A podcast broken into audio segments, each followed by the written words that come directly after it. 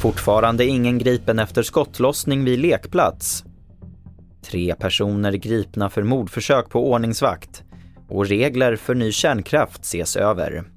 Det är rubrikerna i TV4-nyheterna som börjar i Eskilstuna och med skottlossningen vid en lekplats igår kväll där ett litet barn och en kvinna skadades.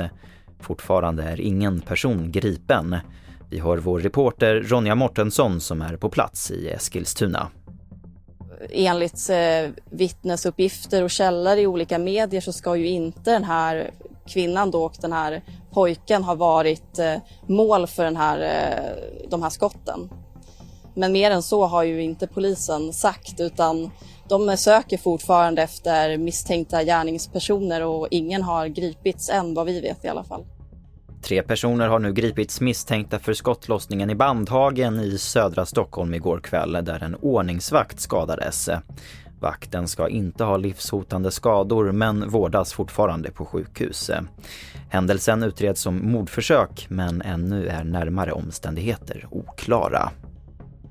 Så till Louisiana i USA där en gravid kvinna nu kräver att politikerna klargör och skriver om de nya restriktiva abortlagarna. Nancy Davis säger att vården hänvisar till lagstiftning när hon inte tillåtits göra abort, trots att läkare rekommenderat det eftersom en skada på fostret upptäcktes i vecka 10. Skadan innebär att den nyfödda babyn inte kommer att överleva. I want you to imagine what it's been like to continue this pregnancy for another six weeks after this diagnosis. This is not fair to me, and it should not happen to any other woman. Basically, they said I had to carry my baby to bury my baby.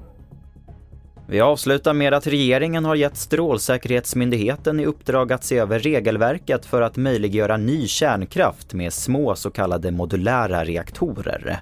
Strålsäkerhetsmyndigheten har fått i uppdrag att identifiera behovet av nya regler som kan påverka förutsättningarna för att nyttja ny kärnkraftsteknik.